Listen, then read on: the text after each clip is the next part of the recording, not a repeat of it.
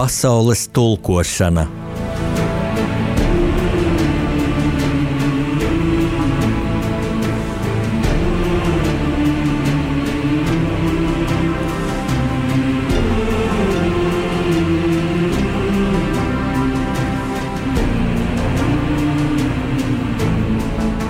Studijā rakstnieks Jānis Udris.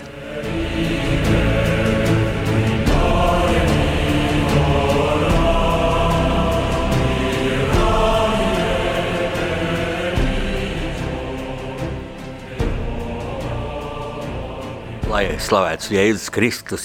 Mīļie klausītāji, šodien rakstnieku pārunas stundas viesis ir vēsturnieks Andris Tomašūns, Jelgaunieks, mans sens paziņa, bet šoreiz es tev, Andri, gribu savādāk pieteikt, pieteikt kā bijušo Latvijas pirmā atkal neatkarīgā parlamenta deputātu. Un, protams, kā jau ar vēsturnieku, mūsu uzmanības centrā būs vēstures. Sveicu Andru Tomašūnu, Radio Marija Latvija studijā. Labdien! Labdien. Nu, vēsture. Tu esi neviens vēstures liecinieks, bet vēstures veidotājs. Kā tas nāca? Ka vēsturnieks, cilvēks, kas savu dzīvi iecentrējis uz zinātni, kas izstudējis vēsturi, kā es zinu, pēkšņi kļuva politiķis. Nu, to jau grūti pateikt, kas ir tie spēki, kas cilvēku dzīvē vada. Jo līdz 1988. gadam, tad man toreiz bija 30 gadi, es biju 58. gadā dzimis. Tad uh, likās, ka nu, dzīvē nekas nenotiek. Ir rutīna, ikdiena, no rīta ceļās, iet uz kādu darbu, strādāju skolā. Padomu laiks mēs to arī saucām par stagnācijas laiku. Nu jā, un- kamēr nāca Gorbačovs, un tad jau tajā sistēmā viņi paši sāk kaut ko mainīt. Tieši tā, un, un teiksim, tad likās, ka tu jau neko nevari tur mainīt. Tā ir tā dzīve, ikdiena, tev kaut kas vada, ir kaut kādi plāni, tur svētki, eh, kas viss ir sarakstīts, kāds ir izgudrojis, tev tikai jāpiedalās tā kā mazai skrūvītai. Un tad nāk atmodas laiks, kas man sākās ar uh, Imanta Ziedoņa uh, kultūras fonda. Uh, Jelgavā dibinājām puzuri, talkas, Un tu ieraudzīji cilvēkus, kas ir gatavi izrauties ārā no tās pelēkās ikdienas un, un aizbraukt, piemēram, zemītas baznīcas kopt vai, vai, vai aizbraukt uz tērvetu kaut kādā talkā vai turpatām Jelgavā. Un tad, protams, nāk šī politiskā puse, ja, kad no vienas puses ir labi kopt to, ko citi ir postījuši un sagrāvuši, atjaunot kaut ko, un tad tu nāc tajā nākošajā pakāpē, ja, kad tu sāc piedalīties. Un šī piedalīšanās man bija saistīta ar Latvijas Tautas frontes veidošanos. Ja. Un tad notiekās tas, ka tu esi ar savām talkām, ar, ar cilvēkiem kopā ejot, jau mazliet palicis atpazīstams, un tad, kad notiek jau sabiedrībā balsošanas process, kad izvirza kādus cilvēkus, deleģējot viņiem savu, savu balsi tautie, ja, tad ā, tu esi nonācis jau līdz ā, vietējām padomas vēlēšanām, ievēl Jelgavas ā, padomē, un pēc tam ir jau augstākās padomas vēlēšanas, un tautas fronte iet ar savu sarakstu, un, un tu tiec ievēlēts tālāk, tāpēc, ka tevi jau atpazīst, un zini, ka no tevis var gaidīt kaut ko jaunu, labāku, cerīgāku, un viss iet uz priekšu līdz mūsdienām. Kā nāca tev šis uzaicinājums balotēties vēlēšanās, vai tu pats to ļoti gribēji, vai tas tev tika nu, piedāvāts, tu tika aicināts, un, un, un kāda sajūta bija? Uh, Īsnībā notika aptauja, manuprāt, uh, bija Tautas frontes uh, organizēta aptauja iedzīvotāju vidū vai tautfrontiešu vidū, jo tautfrontieši jau reģistrējās, viņiem izdeva tādas biedra kartes, ja. Un aptauja bija, un šajā aptaujā parādījās cilvēku uzvārdi, un es šajā aptaujā biju au- augšas galā kopā ar Gaidānu Imantu, kurš bija arī, arī ļoti aktīvs cilvēks un arī vēl daudziem citiem. Un, un rezultātā, jā, rezultātā es domāju, ka ļoti demokrātiski, ja, jo tā mana gribēšana, man pašam varbūt tajā laikā vairāk interesēja tiešais darbs, jo bija pieķēries kopā ar Gunāru Kurloviču, savu kolēģi, to, lai Krimūnās viņš strādāja skolā, realizējām kultūras fondu vienu no idejām spīdo skolas dibināšanu. Tas likās interesantāks un daudz, daudz vajadzīgāks darbs no profesionālā viedokļa, ja, bet tā kā to laika atļāva darbu savā pamata nodarbē savienot ar politisko darbību, teiksim, augstākajā padomē es saglabāju spīdo skolas direktora amatu, strādāju divās vietās, ja, un vēl Jālgaus uh, padomē bija. Ja, tad, tad trijās vietās ļāva tajā brīdī likums strādāt, un tur arī skraidījām no vienas vietas uz otru. Un, protams, ja nebūtu apkārt ļoti daudz atsaucīgu cilvēku, kas nāca talkā un pildīja savus pienākumus ļoti labi, tad to nevarētu izdarīt. Šodien to neļaut vairs. Ja, vai tu esi ievēlēts politikā, tad tev neļaut skolu vadīt vairs. Jā, es klausos, tu teici, skrēji no vienas vietas uz otru, un tā varētu Cilvēks, kas tev nepazīst, domāt, nu, tas tā kaut kā pa virsmu kaut kā nebūtu. Bet bija... tu jau visu dari ļoti pamatīgi. Tu arī esi ne, tāds drukns, tāds īstenībā, īstenībā es domāju, ka es vadīju to procesu ar skolu, jo darīja citi cilvēki. Ja? Nu, tu nevari to izdarīt visu. Es atceros vienu tādu kuriozu. Man liekas, ka pirmo reizi Amerikas Savienoto Valstu kaut kāds fonds sāka darboties Latvijā un izsludināja konkursu, kur varēja pieteikties biedrības. Es, es tajā laikā vadīju arī Jālgās Latvijas biedrību, vēl bija tur Oho, aktīvs. Ja. Vēl ceturtais. Nu, tas ir sabiedrisks darbs, jā, un vēl jau bija arī citi brāļkapu komiteja un, un, un, un, un, un Bet, ah. bet, bet bija tā, ka uzrakstīja projektu, iesniedz iekšā tur tajā, tajā fondā un noraida. Un es pēc tam aizgāju, un tajā reizē jau teicu, kāpēc nepieņēmu. Ja tagad neteiktu, nu, noraidīju, noraidīju. Un viņi teica, tā, tu esi iedevis tur kaut ko. Es biju domājis, ka Latvijas biedrības stiprināšanai, uzlabošanai tur kaut kāda pa desmit tūkstoši dolāriem diezgan paliels priekš tā laika projekts. Un uh, noraidīja, un viņi teica tā, mēs apstājāmies tavu CV, Un tur ir tik daudz sarakstīts lietas, ko tu dari. Viens cilvēks to nevar izdarīt. Un te es sapratu, ka tās divas domāšanas, ja ka kaut kāds rietumnieks atbrauc, un viņam liekas, ka viena lieta ir, ko dara, tad to dara, un no rīta līdz vakaram vai tajā darba laikā. Un te tu atnes un saka, viņš sešās vietās kaut ko dara. Nu, tā nevar būt. Ja? Bet varēja būt. Nu, bet tā arī bija. Ja. Zini, kas man ienāca prātā tikko? Varbūt, kad um, mūsu atmodas celmlaužos un, un virzītājos uh, Un īstenotājos eh, atmodās tā padomju okupācijas gados bremzētā un aizturētā enerģija un talanti. Ja? Tad kā šampāniešu pudele, kāda kortete skrien pa gaisu. Es domāju, ka tā nav tāda enerģija, kas tur kaut kur gulēja vai negulēja, ja? bet viņa vis, visos cilvēkos ir iekšā.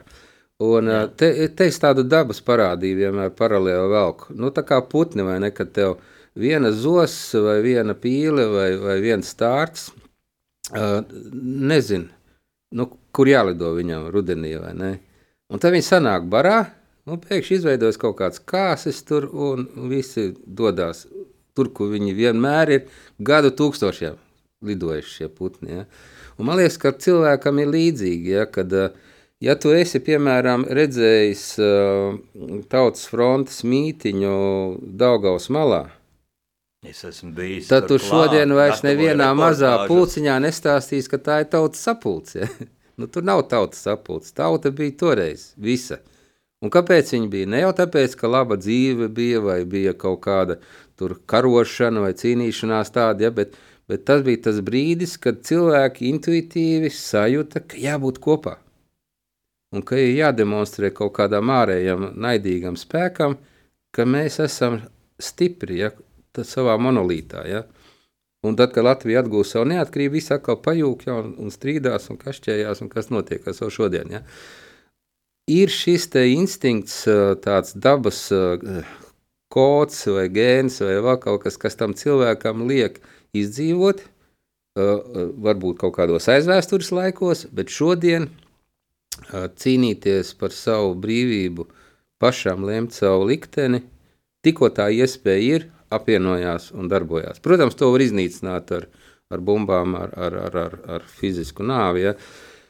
Un tāpēc tas varbūt nenotiek katru dienu, ja? ka vienkārši noķer to mirkli. Jo, ja es šodien pastos padomu savienības uh, teritorijas uh, atsevišķas uh, daļas, ja? kā tur cilvēki dzīvo, pa ko viņi domā, pa ko viņi cīnās, to pašu Krieviju šodien paņem domā ārprāts. Mēs esam no turienes tikuši ārā pirms 30 gadiem, ja? Un viņi vēl ar vienu tur kaut kur visi maļās par to pagātni, ja, un, un, un uh, ne tikai tur maļās, bet arī apdraud mani vēl. Ja. Tā kā tas tāds mazs brīnums varbūt, ja, uh, kas ir no dabas dots cilvēkam tajā brīdī latviešiem sanāk kopā, izmantot mirkli, mazs mirklīts tur bija, un noķēra savu iespēju, un atgūst šo neatkarību, un šodien mēs dzīvojam savā valstī, lai ar ko kāds nestāstītu. Ja kā viņam te patīk vai nepatīk. Jā. Man liekas, ka ļoti svarīgi ir šī vēsturiskā pieredze, lai no tās e, mācītos, bet vai mēs to darām? Man liekas, ka ļoti, ļoti maz. Es domāju, ka tas tā nedarbojās. Ja? Vakar nejauši televīzijā pastījos, kad Eģiptē tur uz, uz Setī pirmā tempļa sienas pēkšņi ierauga helikopteru, vai ne? Bet tas skaidrotājs ļoti labi pateica, ne, no, kad izgudroja helikopteru, tad arī pamanīja uz tās sienas. Bet pirms tam tas templis ir stāvējis 2000 gadus, un viens neredzēja, ka tur ir helikopters. Jo cilvēkiem nebija priekšstats, kā tas izskatās. Jā. Līdz ar to arī šeit, ja, kad uh, tu nevari paņemt uh, simt gadu atpakaļ vēsturi uh, un pateikt, ka tā vajag darīt arī šodien, ja? vai, vai mācīties no kaut kā. Ja? Nu, un vēsturē ir viena nejauka īpašība, tā apauga ar mītiem. Ja? Un bieži vien mums uh, izpratne par vēsturi ir uh, mitoloģiska un absolūti nerunā par cilvēku sajūtu tajā laikā. Ja? Nu, viens piemērs par to pašu, teiksim, otro pasaules karu. Ja? Ka tikko tev ir ienaidnieki, ir uzvarētāji, zaudētāji, tur sāk parādīties varoņi, tur parādās nodevēji, tur parādās upuri un tā tā. Bet, ja tu noņem no visu to politisko patosu un uzslāņojumus, ko izmanto šodien, ja, kas īstenībā tiek eksploatēti šie vēsturi notikumi, nevis uh, viņa stāstīt. Ja. Un, ja tev ir izdevīgi eksploatēt, tad viņi ņem, ja nav izdevīgi eksploatēt, tad viņi neņem. Ja. Bet uh, karā jau īstenībā nav ne, ne varoņu, Pat tad, ja viņš ir saņēmis padomju savienības varoņu zvaigzni vai dzelzs krustu ar briļantiem, ja, visi tie cilvēki ir tikai upuri. Ja. Un līdz ar to tev tā vēsture pazūd, ja tu, tu nonāc pie atziņas, ka karš ir slikti, jo tur upuri rodās, ja. vai mums vajag upurus. Nelaimīgs cilvēks, ja. Tas ir labs jautājums. Nu jā, bet tu, piemēram, ieej skolā, ja, es esmu strādājis arī Krievijas skolā un, un, un Latvijas skolā, un zinu, ka, teiksim, runāt par otro pasaules karu ir sarežģīti, ja, nu tad izstāst vēsturi, ja. Bet tad, kad tu nonāc pie tā, ka karā ir tikai upuri, tu vari iet abās skolās bez problēmām, ja. Nu, tev tur nav jālaipo, jāstāst, viena bija labie, viena nelabie, jo tev ģimenes vēsturē tur kaut kur vectētiņš, vecmāmiņa vēl kaut ko, kaut ko stāst citu, ja. Un, jā, tu konstatē, un ar bērniem var vienoties, ka karā nav uzvarētāji. Karā ir tikai upuri. Ja? Es domāju, tagad par to mums abiem vajag padomāt. Vismaz man vajag padomāt par šo leņķi, kurā tu mm, paudi savu domu. Un klausītājiem jāpadomā īstais brīdis muzikālai pauzei un šo dziesmu, kas skanēs, nu, protams, pēc, pēc rakstnieku pārunu stundas tradīcijas izvēlējās mans viesis. Paldies, ka devāt iespēju.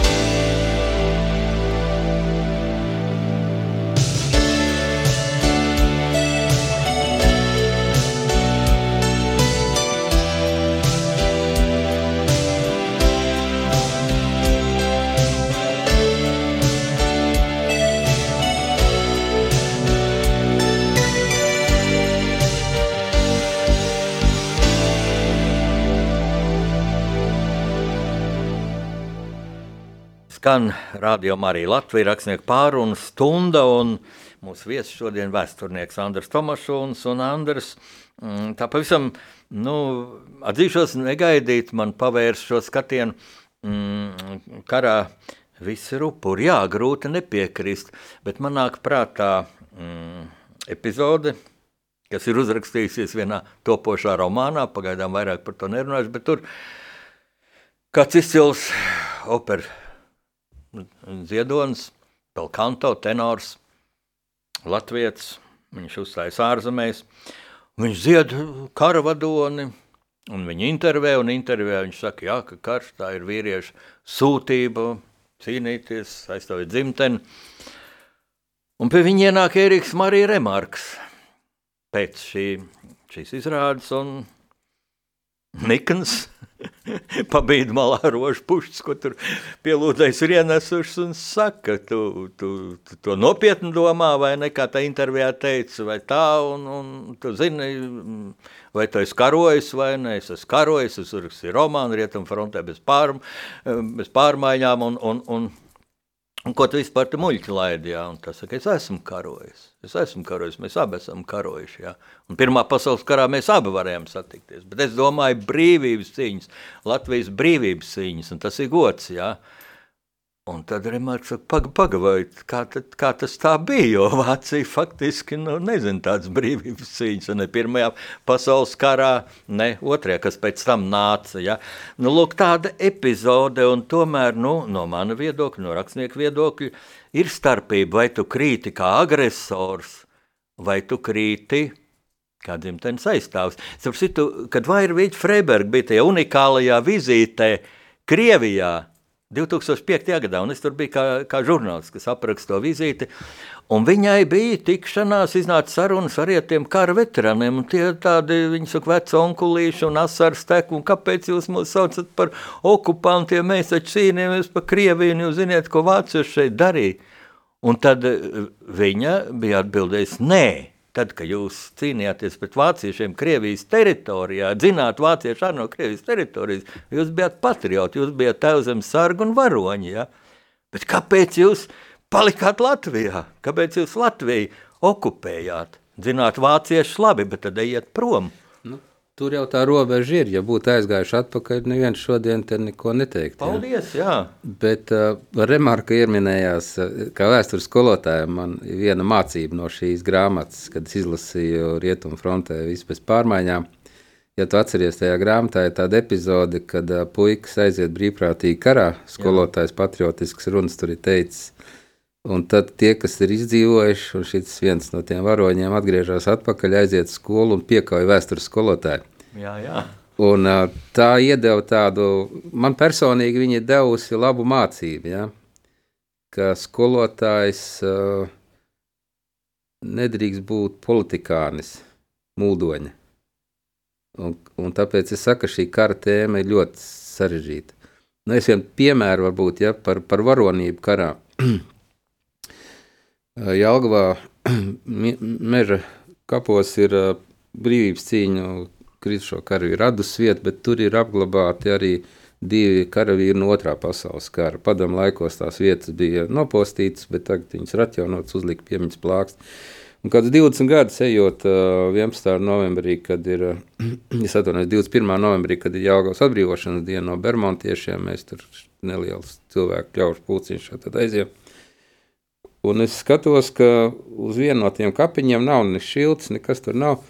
Vienmēr ziedi ir viena maza, maza sievelīte, tāda tur pieiet, svecīt noliek, un es viņu pazīstu no atmodas laika, 20 gadus, tā, nu, sveicinās, un viss.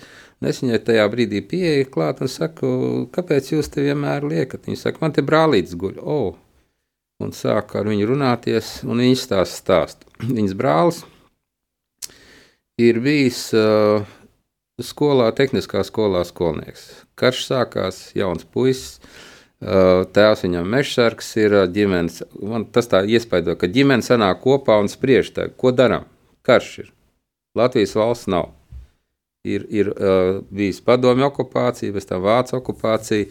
Un viņi spriež, ka vācietis agri vai vēl tos puikas ņems armijā, dienestā.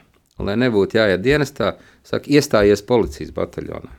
Un viņš sargā tiltu tur kaut kur netālu no mājām. Reizes četrās dienās, diennakti iet, bet uh, austrumu frontē iet plāni, un pēkšņi 42. gada beigās, 43. gadā, šitos jaunos puikas no policijas bataljona izvāc ārā uz Viļņu, uz karaskolu kaut kādu, un viņš nonāk pie Neveļas frontē.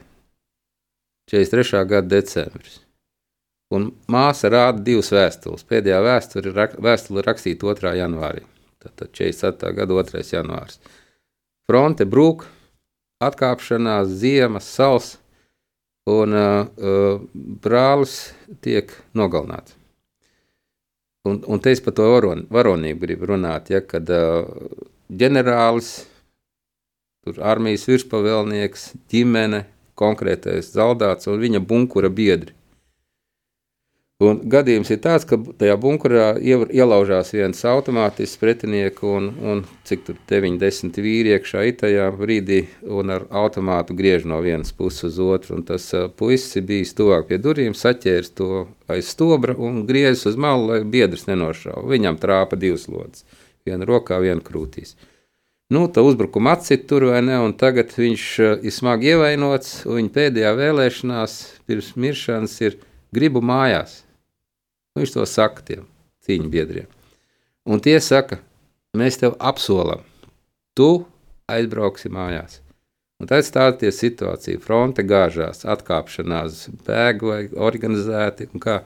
un taču viņa bunkura biedri, viņu un vēl vienu puisi, izdomā, kā dabūt uz mājām, uz Latviju, no Krievijas, no Neveļas puses kaut kur.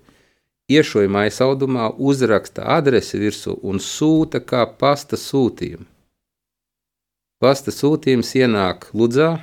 Ludzā vācu oficieris kaut kāds brēds briesmīgi, kas tas ir, ka te miroņas tagad ved apglabāt.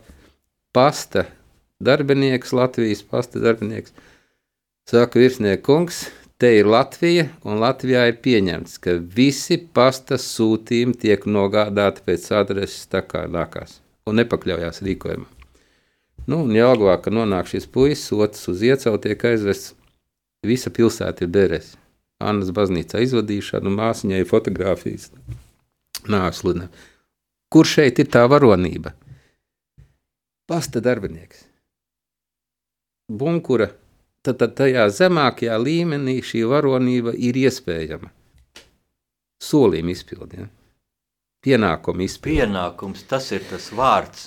Jā, un, un tas ir tas sinonīms varonībai. Tieši tā. Tieši tā. Padomā, kā... un tāpēc es arī domāju, ka tādā nacionālā līmenī valsts aizsardzība ir pienākums. Jā. Un pienākums stāv pāri jau cilvēku instinktam, dzīvības saglabāšanai. Ja? Kā lems atkal augstākie spēki, tu paliksi dzīves, nepaliksi, kļūsi par šo varoni vai kļūsi par karagūstekni vai par kaut ko citu. To tu nezini nekad. Ja? Bet uh, šo politikānismu nostāja arī šie jaunieši ir upuri, un viņš tur kuļtajos kapos savos 21 gadu vecumā. Jā, un, un. Bet tas vārds pienākums, es teiktu, tas ir tas orientieris, tas kompass, ja pat tu nezini, kā rīkoties. Ja?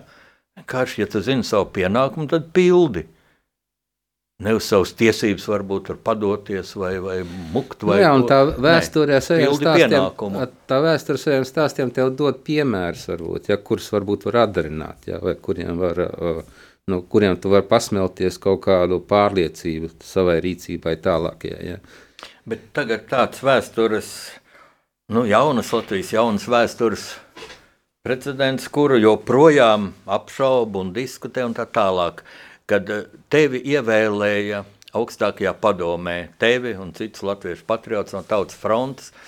Savā ziņā patiešām tās bija ļoti pretrunīgas vēlēšanas, jo tās notika saskaņā ar PSRS un ar Latvijas PSR konstitūciju, un jūs pat saucāties Latvijas PSR augstākā padome. Un tagad ir tāds arguments, nu, Mēs viņu, protams, nepieņemam, bet nevar noliegt ar zināmu loģiku. Kā tas var būt, ka mēs sakām, ka Latvija ir okupēta, uh, Bet mēs mm, paši piedalāmies vēlēšanās pēc okupētas eh, Latvijas, tātad okupācijas varas sastādītas e, konstitūcijas. Es vēlreiz saku, es to nepieņemu absolūti. Ja? Bet tas ir diezgan tāds nu, viltīgs un slidens arguments. Bet kā toreiz jūs to izjutāt? Te uzreiz jāsaka, vēsture jau parādīja, ka bija pareizais ceļš, jo manā rakstnieku pārliecībā tas novērs arī asins izliešanu, nu, kas bija tā. citās PSRS daļās, vai dieniņas bija Līsija un kur un, un, un, un, un, un Vidusāzijas republikās. Es domāju, ka tas atkal ir tas uh, uzslāņojums jau virsū, kā tu šodien mēs runājam. Ja, tā kā māja ir uzcelta, tad visi zina, kā viņi bija jāceļ. Ja. Es domāju, ka svarīgi ir. nu, te atkal tā no kara terminoloģijas. Ja. Kāpēc, teiksim, Krievija ar Latviju nesaprotās ja, par otro pasaules karu runājot?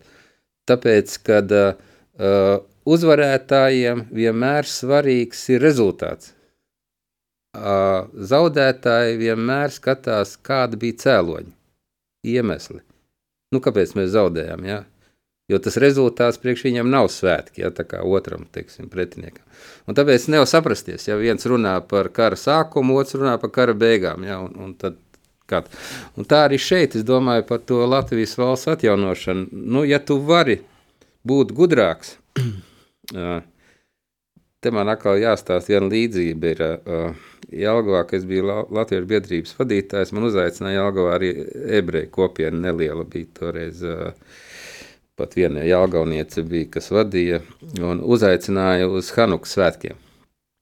Un sēž, nu, protams, jocīgi, kad ebreji, ebreji saruna Krievu valodā notiek, jo lielākā daļa no Krievijas atbraukušie nemāk to idišu valodu, kurā runāja viņa biedrības vadītāji. Un es biedrības vadītāji prasu, saku, bet, nu, kāpēc jūs svinat šo svētku? Īsnībā tur ir šausmīgs notikums, ja, kad tur puišeļus ņem no ģimenēm ārā, nogalina, un tad tur sievieti vienu sūta. Tur. Nu, es tagad nestāstīšu to visu to, to stāstu, ja. bet nu, tā, tā ebreju un babiloniešu konfrontācija tur notiek. Un, uh, man tā kundze toreiz ļoti gudri atbildēja, un es atkal paņēmu vienu to kā mācību savā dzīvē, kas ir svarīgi par vēsturi runājot un, un, un no šodienas viedokļa. Viņa teica, tā, nu jā, bija šausmīgi, bija traģiski, mūsu tautai draudzēja iznīcība, tur briesmīga laika bija. Un, uh, bet tā viņa uzreiz prasa, vai tu vari pateikt, kur šodien babilonieši dzīvo? Es saku, nu izmirusi tauta, nav viņas vairāk. Viņi saka, ah, mēs esam, mēs bijām gudrāki. Mēs mācījām izdzīvot tajā brīdī, un es domāju, ka šeit arī par to 90. gadu mēs bijām gudrāki. Mēs izmantojām tos ieročus, ko viņi paši radījuši pret viņiem. Ja? Jo konstitūcija, kas padomju savienībā bija, ļāva izstāties republikai. Ja? Sāks ar to, pamēģinās, kā tur ies pašām dīs, pataustīs. Ja? Un vēl kas varbūt bija, ar ko atšķirās augstākā padome, vai ar kā viņa ir tas nosaukums no sākuma pie LPSR, ja, ka viņi ievēlēja tomēr uh, mazliet savādāk nekā šodien sējam, ka te ir partijas saraksti un te līderis ievēl iekšā nepazīstams cilvēks. Ja. Uh, Toreiz, lai iekļūtu augstākajā padomē, bija jāiziet kārtīgs sirds. Pirmkārt, šis tautas frontes saraksts, kur tev balsošana iekšējā notika. Tad nākošais bija konkurenti no partijas komunistiskās, kas tev vēlēšana laikā tavā iecirknī cīnījās. Tā pat okupantu armijas uh, virsnieki. Tieši tā, un viņas arī ievēlēja. Ievēlēja sēdēja uh, tur pašā pašā zālē. Tieši tā. Un līdz ar to tev, teiksim, ja es, ja es šodien... Uh, uz ielas cilvēkam pateikt, nu, nosauc man uh, 20 uh, saimnes deputātus vārdā. Viņš, viņš tur uz piektā apstāsies un teiks, nezinu vairāk nevienu. Ja. Tad uh, 90. gada augstākajā padomē es domāju, ka tik daudz intelektuāli spēcīgu cilvēku bija, ja, kas paši par sevi bija personības jau. Un tas varbūt ir tās uh, vienmandāta apgabalu vēlēšana priekšrocības. Ja. Bet, uh, nu, vai šodien vajadzētu kaut ko mainīt tajā vēlēšana sistēmā, es neesmu pārliecināts. Ja, jo, jo šodien stipra sabiedrība ir tā, kur ir spēcīgs indivīds, kas māk strādāt kopā ar citiem. Ja. Nevis ar viņiem kašķēties māk, ja, bet māk strādāt kopā. No tāda viedokļa mūsu saimnes vēlēšana sistēma ir ļoti laba audzināšanas stunda sabiedrībai. Iemācies ievēlēt normālu saimnu. Ja sodi tos deputātus, kas pagājušajā reizē kaut ko neizdarīja tā, kā vajag izmet viņus ārā. Nevis, ah, šī partija man nepatīk, likvidēsim, dibināsim jaunu. Ja. Un līdz ar to ir, ir varbūt politiskajā ziņā savas problēmas, kas liek apšaubīt varbūt vēlēšanu kārtību šajā brīdī pasaulē. Šajā modelī, ko tu minēji, ja tā laba skola, es te gribu teikt vienu bet, jā. Es jau pilnīgi piekrītu, bet tas prasītu daudz lielāku sabiedrības aktivitāti. Cilvēki pasīvi noskatās, nevis aktivitāti, bet atbildību. Atkal mēs pie atbildības à, jā, jā, bet šo, es esmu atbildīgs par to, ko ievēl saimā. Jā, jā. jā. Nevis sēdēt mājā, neiet balsot. O, tas ir un arī. Jā. Nākamais, ko gal galā vajadzētu, īpaši es vērstos pie jauniem patriotiskiem cilvēkiem, iet uz politiku, veidot savu. Kāpēc nevar būt jauniešu partija, jauniešu kustība, kas iesaistās politikā? Jā, bet vecajām partijām ir jaunieši jāaudzina, jāmācīja. Jā. Man būtu grūti iedomāties, ka teiksim, Merķele Vācijā varētu kļūt par parlamenta deputāti 25 gadu vecumā. Jā. Tas nebūtu noticies nekad, jā, un arī nenotiksies tuvākā laikā Vācijā. Tur ir skola jāiziet, pieredze jārodas. Jā. Ja viņai ļoti specifiska skola, jo nu, viņa no Vācijas austrumiem nu, nāca. Tas vēl būtu īpašs gadījums, jā. Ļoti īpašs. Bet par sabiedrību, nu, man ir tāda teorija, kad uh, Man patīk doma, ka ļoti svarīga sabiedrībā ir indivīds, katrs cilvēks. Ja. Un ka viņš atbild par sevi, un, un ja viņš ar sevi nodarbojās, padara sevi savu dzīvi labāk, tad visai sabiedrībai valstī kļūst labāk. Nu, tā ir elementāra matemātika un loģika. Ja. Jā, šeit iztaisīsim muzikālo pauzi, jo par to ir ļoti jāpadomā, man jau ir prātā nākamais jautājums, nākamais pavērsiens. Tu gribi šo domu, jā, labi, un pēc tam muzikālu pauzi lūdzu, Andri, turpini. Un, uh, tad, kad Latvija kļūs neatkarīga, tas ir tikai politisks mirklis, tāpat kā 18. gadā, kad uh, pasludina Latvijas neatkarību. Visa sabiedrība jau nav par to. Katram individam ir jāmeklē savs ceļš, un tad tur nāk karš, un tad tev ir iespēja nostāties vienā otrā pusē un izvēlēties savu ceļu tālāk.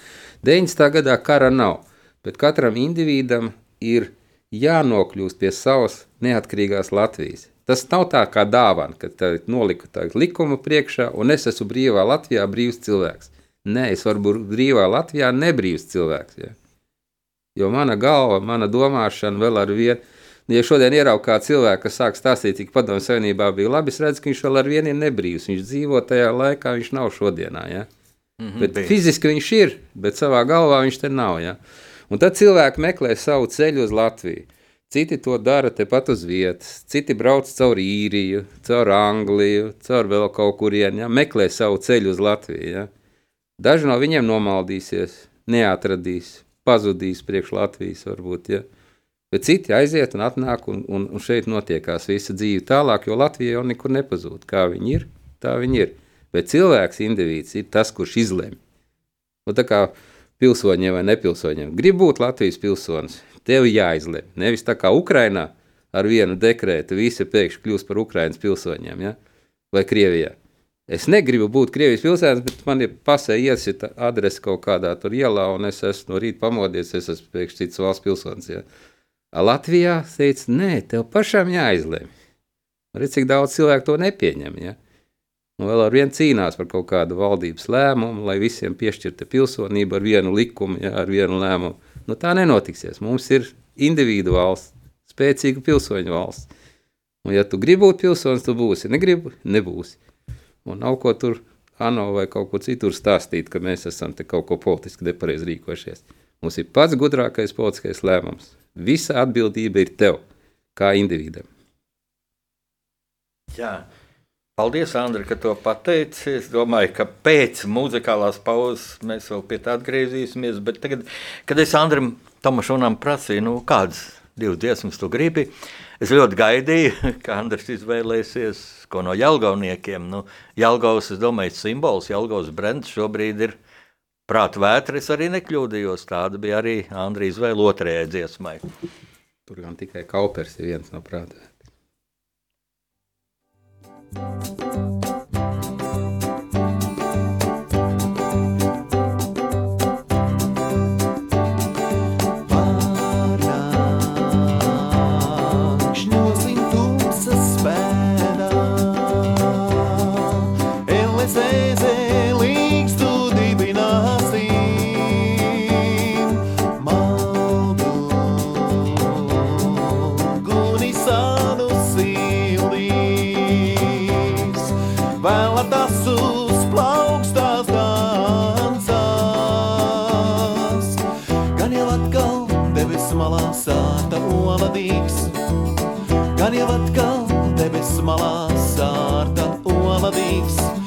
jau, gan jau, gan jau, gan jau, gan jau notiksies, kam jānotiek. Šņosim tumsas pēdā. Elas ezelīgs dudibināsim. Maltu, kuris salas īgildīs. Uz plaukstas. Gan jau atkal debes malā sārta oladīgs. Jau atkal debes malā sārta oladīgs. Gan jau, gan jau, gan jau, gan jau, gan jau. Notiksies, kam jānotiek.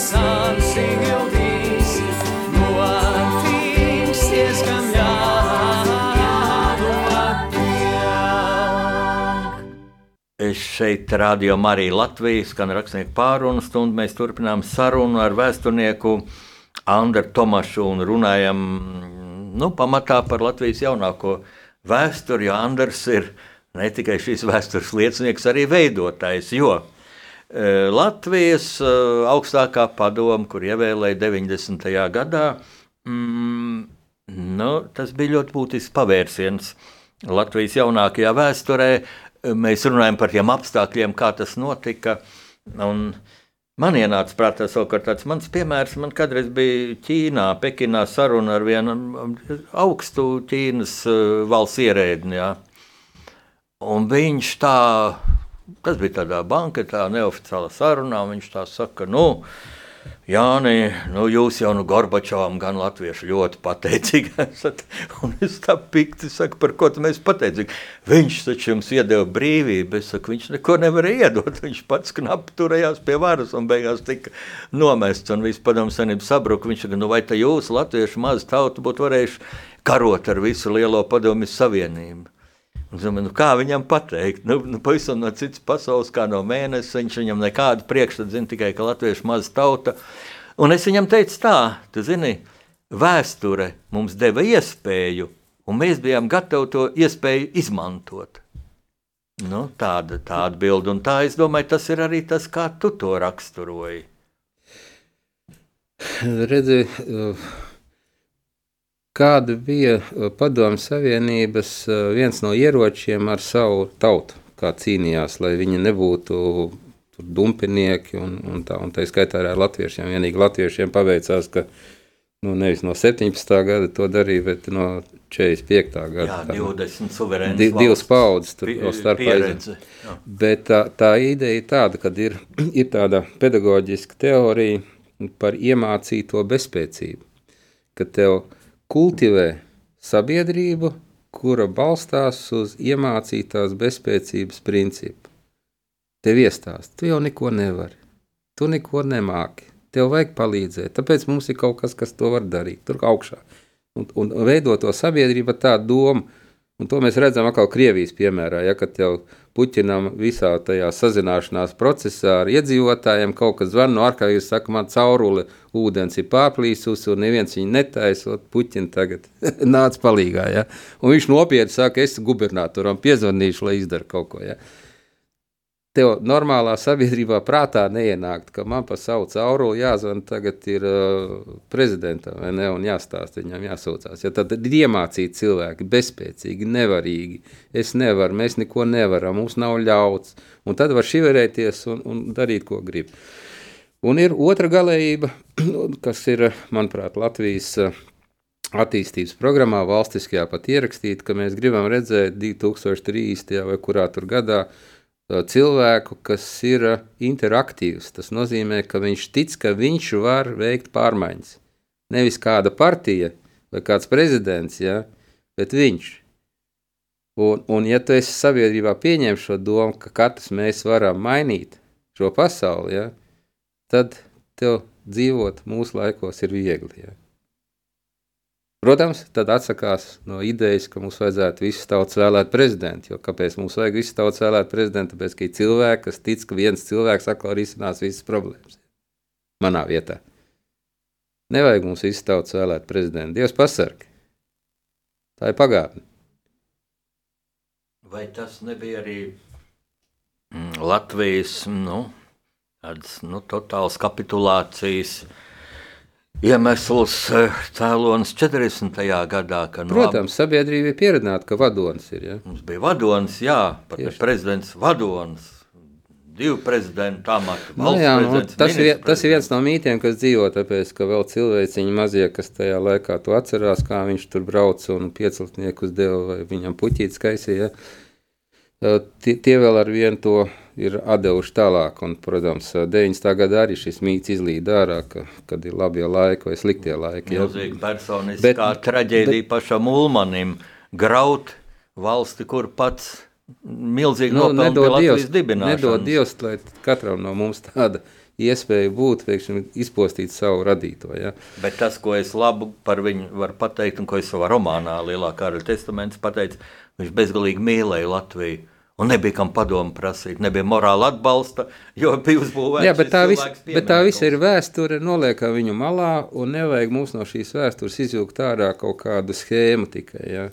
Vai, vai atmiņas par vienu personību, un visu laiku staigāsim riņķi, jo mēģināsim kādam acīs skatoties, ieraudzīt to vēsturisko personību šodienas tēlā kādā. Ja? Tā nav bijis. Nu, nevar jau grieķi zināja, ka divreiz vienā upē iekāpt nevar. Ja? Nu, nevajag mums latviešiem mēģināt vēlreiz tik galā grieķu gudrajiem. Ja? Viss ir izdarīts jau. Bet individu katru, un es ar lielu prieku skatos uz jauniešiem, ne, kas, kas šodien tādi ir. Viņi tic, ka viņi var sevi mainīt, ka viņi var savu apkārtni mainīt, ka viņi var piedalīties, darboties, ka viņiem nevar atņemt šīs tiesības. Ja? Viņi tic un iet uz priekšu. Un vēl gadi 15, viņi būs saimā un valdībā. Andri, tu mūsu sarunas sākumā minēji dzērvju kāsi, nu varam minēt arī gulbju kāsi, ja šī putnu pasaule, gāja putnu pasaule, cik viņi gudri to kāsi veidoja, jo kā tas notiek, kad pirmais tā kāša pīķī, ja, lido tas stiprākais, Viņš, nu, jo, jo aiz muguras vieglāk, zin, kā arī riteņbraucēji pēc tāda principa cenšas aizmugurē, un viens ir komandas līderis, bet tad viņi mainās, un šie putni mainās. Ja? Un tad, es esmu redzējis, kāds debesīs notiek, un pēkšņi no aizmugures parādās, kas aizlido priekšā. Un tas, un nu, reiz, tas... Pat viņiem nav prezidents. jā, bet viņi, viņi mainās. Darbs, jā. un, un es gribu teikt no šīs gudrās putnu pasaules, kā tas ir eh, politikā tomēr milzu loma ir šim līderim, kurš kādu laiku ir un tad veic savu misiju, nu, teiksim, labs valsts prezidents. Un, ja Latvijas valsts atgūtās Latvijas neatkarīgās eh, valsts mm, pieredzē, nu, es varu minēt šādu izcilu prezidentu Vairvīķu Freibergu, tas mans viedoklis. Jā. Nu, es piekrītu, jā, viņa, viņa bija. Bet vai mūsu problēma nav tā tomēr spilgtu personību trūkums šodienas parlamentā, jo to arī pirmīt minēja pilnīgi manas domas, ka šajā Latvijas augstākajā padomē, kas nobalsoja par neatkarību, kas tur bija par personībām, ja? E, Tur bija Alberts Bels, tur bija Vaidienim, tur bija visi izcili, bija Mans Ziedonis. Bija. Un pēc tam, kad bija nobalsots, un tā aizgāja prom, nu, piemēram, Imants Ziedonis aizgāja prom, viņa vietā nāca brīnišķīgs cilvēks, Aivars Berts, lai viņam, jā, jā. kā saka, Dievs sveitī viņu dvēseli, ja mēs ar viņu apglabājam pagājušajā gadā. Ziniet, uh, paldies Dievam, ka pasaule ir vaļā, vai ne? Un tu vari visur braukt un salīdzināt. Man kādreiz bija tāds mazais kultūras šoks, kaut ko pirmo reizi Anglijā. Es aizbraucu tur. Nu, mums te viss notiek, vārās tur politiskās partijas tā un šitā un prezidenta un kaut kāds vainīgos meklē un valdības gāžās. Un es tur kaut kādu cilvēku līdz vietējo, nezinu, ko viņš nodarbojas, nav svarīgi, mūsu saruna sanāca tāda. Un es viņam saku, nu, ko tu domā par Anglijas valdību un par to? Viņš saka, es par viņu nedomāju. Es saku, kā tā nedomā? "Ā, Es saku, ko pa par viņu domāt? Viņa man netraucē, es viņai netraucēju. Ja? Hmm. Un es domāju, ka īsnībā tāds varbūt uh, alus kausa tukšošanas laikā saruna, ja? bet tā morāli iekšā. Ja? Lai Dievs dod, ka Latvijā cilvēkiem šodien nevajadzētu valdību. Ja? Ka nevajadzētu runāt par valdību. Nu, tad ja. arī nebūtu jārunā, ja tev man nevajag nekā no viņas. Ja? Jā. Ja viņi darītu savu darbu tā, ka, nu, Bet viņi jau dara savu darbu. Vienīgi jautājums, ko man no viņas vajag. Ja? Un, ja es tagad zinu, ko man no viņas vajag, tad kā es to noformulēju un pasaku? Ja? Sievai virtuvē to stāstu, ja? vai es rīkojos juridiski, nu, kā notiek ierosinājumi. Nu, piemērs tagad uh, groza civilu likumu, manuprāt. Ja? Un, uh, jautājums, uh, kas var laulāt? Teiksim, sieviete ar vīrieti. Ja? Šodien to var darīt Zaksā. Ja? Civilu stāvokļa akta reģistrācija un var arī baznīcā mācītājs to darīt. Bet, piemēram, dievturu baznīcā nevar to izdarīt, ja? jo viņā nav tādas tiesības. Tātad šodien groza uh, likumu un kaut kādi cilvēki, kas ar šo dievturu kustību ņemās, uh, vēršās saimā ar savu iesniegumu, ar savu vēstuli. Un tā ir rīcība. Ja? Patīk, tev nepatīk, politiķiem patiks, nepatiks, ir, ir pārējais viss nianses. Ja? Bet katrā ziņā šie cilvēki neiet uh, uz ielas uh, un nestāsta, cik slikta mums ir valdība vai cik slikta saimnieka. Ja? Viņi savus intereses aizstāv tā, kā to vajag. Ja? Tā vajadzētu rīkoties visiem. Ja? Brīnišķīgs piemērs. Un mums vēl dažas minūtes atlikušas laika, un es domāju, kā šo sarunu rezumēt. Jo, nu, tu kā vēsturnieks pavērsi to pašu domu, ka mēs, ka mēs piekrītam. Domāju, lielākā daļa mūsu klausītāju piekrīt, bet no savu vēsturnieku redzes leņķa un ļoti sveitīgi tas bija. Bet kā varētu rezumēt, ja tā izanalizētu, laikam, kādi vārdi ir būtiskākie mūsu šajā sarunā? Un varbūt arī tā kā biežāk skanēti, biežāk akcentēti, um, pēc tam frekvencēm to pamatīgāk izskanējuši. Es teiktu vienu vārdu pienākums. Ja. Vai tev neliekas, ka šobrīd šis vārds ir ļoti aktuāls, jo atkal sarežģīta situācija, nu, jāmin tas koronavīrus, jo tas mūs visus satrauc un Nu, laikam mēs varam tikai šo, šo vārdu vēl izrunāt, jo pēdējās sekundes iztek. Kā ir ar šo, vai tas ir pienākums vakcinēties, jo daudz brecis nevakcinējušos, un tādu lozungu ir internetā. Nu, es šajās dienās vakcinējos otrais, jā, vai tu esi vakcinējies? Un... Jā, es esmu vakcinējies. Es gan uzsvērtu otru daļu šim vārdam, kuram jāiet kopā. Ka pienākums vienmēr ir saistīts ar atbildību. Ja? Jā, Un tā tad, ja tu esi atbildīgs cilvēks, tad tu izlem. Tas būtībā tas Un pats. tu īstenībā nelēmi par vakcinēšanos vai par kaut kādu valdības lēmumu. Tu lēmi, kā es satikšos ar savu mammu, ar saviem bērniem, ar saviem draugiem. Tur ir atbildība. Ja? Un tad, kad es saprotu, kā man ar viņiem jāuzvedās šajā ģimenē, ja? ar kaimiņiem, draugiem, sabiedrībā, tad man nav jautājumu par to, kas jādara šobrīd. Ja? Te arī liekam punktu, Andri, labāk neviens nepateiks. Mana cieņa pret vēsturniekiem ir augusi pateicoties tev. Lai gan vienmēr esmu cien, cienījis šo profesiju, pats rakstu vēsturisks romānus, mīļie klausītāji. Tātad um, rakstnieku pārunas un viesis šodien bija vēsturnieks Andrs Tomašons, cilvēks, kurš pirms 31 gada balsoja par Latvijas Republikas neatkarības deklarāciju. Paldies, tev, Andri, par to balsojumu tavās jaunības dienās, un lai Dievs tevi svētī un sargā un tavs, tev ģimeni, tavs mīļos uh, turpmāk. Paldies, Paldies. mīļie klausītāji! Paldies.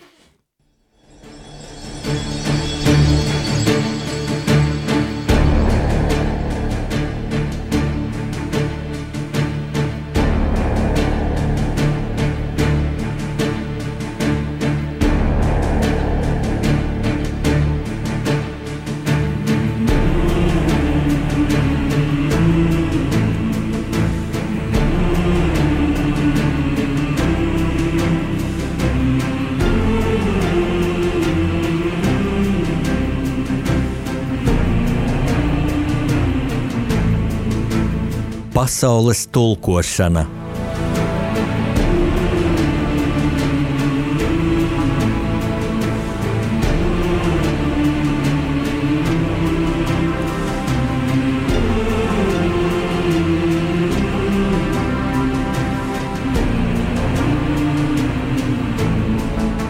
Studijā rakstnieks Jānis Udris.